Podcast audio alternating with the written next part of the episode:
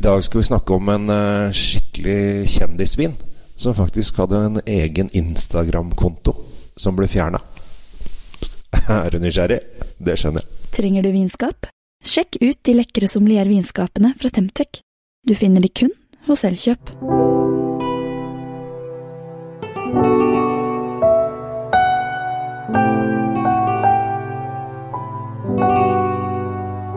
Hei og hjertelig velkommen til eh, Kjells uh, vinkjeller. Håper at alt står bra til, uh, og at det er godt humør rundt om i Norges land, eller kanskje i utlandet også. Tenk om det er, kanskje er noen svensker og dansker og slikt som uh, som uh, hører på podkasten mine. Hvem vet? Kanskje det også er noe altså Jeg vet jo at uh, hvis du f.eks. ringer Norwegian, som du ofte må, uh, så får du snakke med en utenlandsk opprinnelsesperson som antagelig sitter i Baltikum og snakker flytende norsk.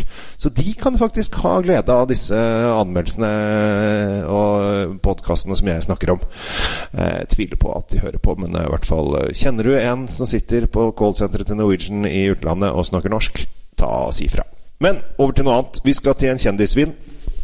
Og øh, det er vel Den ble faktisk så kjent, denne vinen, at øh, hun som hadde Instagram-kontoen, hun måtte fjerne den eller ta den bort.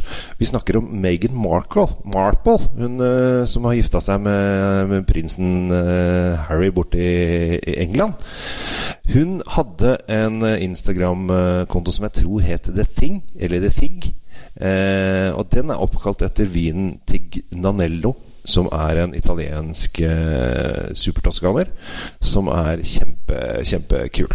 Uh, dette her uh, Altså, hun gjorde den vinen så poppis at uh, den, de ga henne beskjed om at du må ta den ned, at dette, dette går ikke.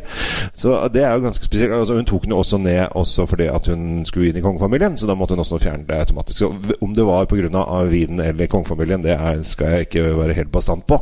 Men i hvert fall hun fjernet Instagram-kontoen, som hyllet da denne vinen fra Toscana.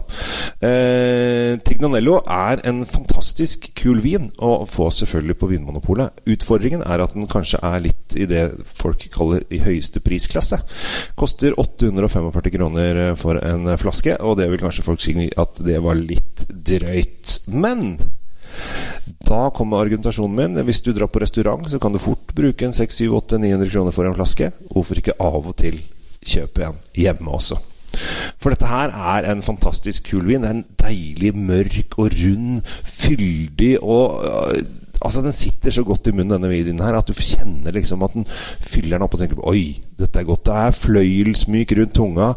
Deilig, myk bærsmak som gjør at den er utrolig, utrolig deilig i munnen. Altså du jeg, jeg, vil hevde her at uh, du skjønner at den er litt dyrere. Om den er 845 kroner dyrere, uh, si, uh, dyr, er kanskje ikke helt der. Men altså, du skjønner at dette er en dyrere vin. Og det er da du virkelig, når du smaker på dette, da kjenner du liksom at oi, dette var elegant. Og da skjønner du også en del litt mer om vin også. Kunne, jeg kunne anbefalt mange dyre viner som du ikke hadde skjønt et plukk av. Eh, hvis du ikke er veldig vant til å drikke eh, dyre viner. Og det er jo uh, heldigvis ikke altfor mange som er. Det er jo noen som bare drikker dyre viner. Og så er det de, de, som har så mye penger, som bare kjøper dyre viner og ikke skjønner et plukk. Det, jeg må også fremheve den delen. For det er, det er ganske mange av de som uh, kjøper da viner etter anmeldelser i internasjonale magasiner.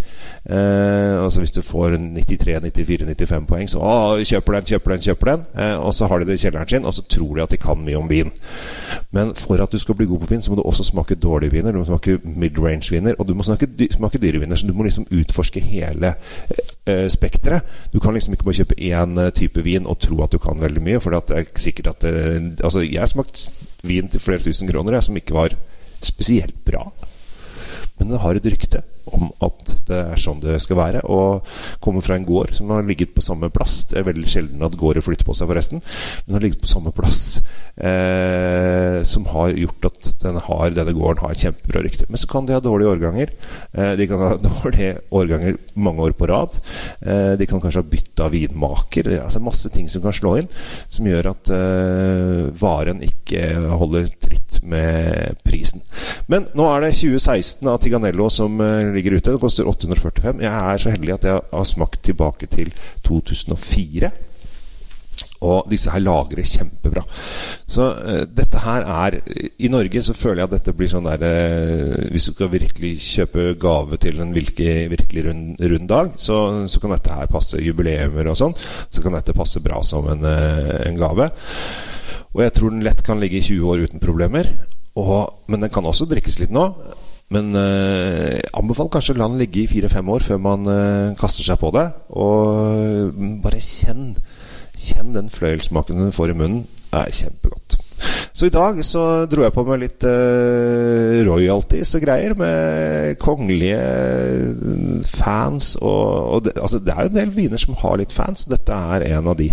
Det som er litt gøy, da, er at uh, det er da den er lagd på Hvorfor jeg sier at den er en supertoskaner, er fordi at den er lagd på 80% Sangiovese, og det er den lokale druen. Men de bruker da Cabernet Sauvignon og Cabernet Franc de siste 20 og da går den ofte inn under eh, supertoskaner, altså viner som bruker internasjonale druer.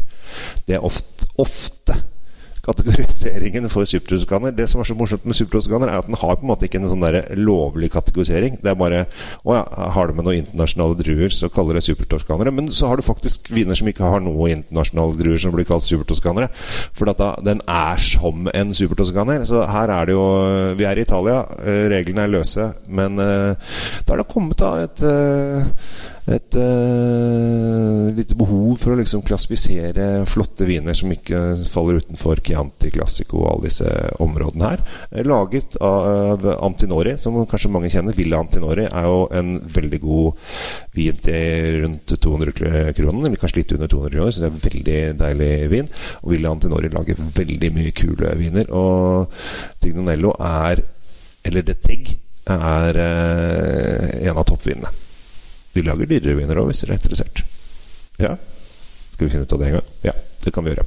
Tusen takk for oppmerksomheten. Jeg heter Kjell Gabriel Henriks. Ønsker dere en riktig fin dag videre. Abonner gjerne på denne kanalen, eh, fordi at da blir eh, du varslet hver gang jeg kommer med nye anekdoter. Og så kan du også følge meg på Facebook i gruppen Wien. Du kan følge meg på Instagram som The Norwegian Wine Guy. Du kan følge meg på YouTube som The Norwegian Wine Guy. Der må du gjerne abonnere der også. Og så ønsker jeg deg en riktig eh, fin dag videre. Og som sagt jeg er ikke på Twitter, for der er bare Trump. Eller Obama har litt flere followers, da. Men ikke siden til Så det var alt for i dag. Takk for meg. Ha det bra.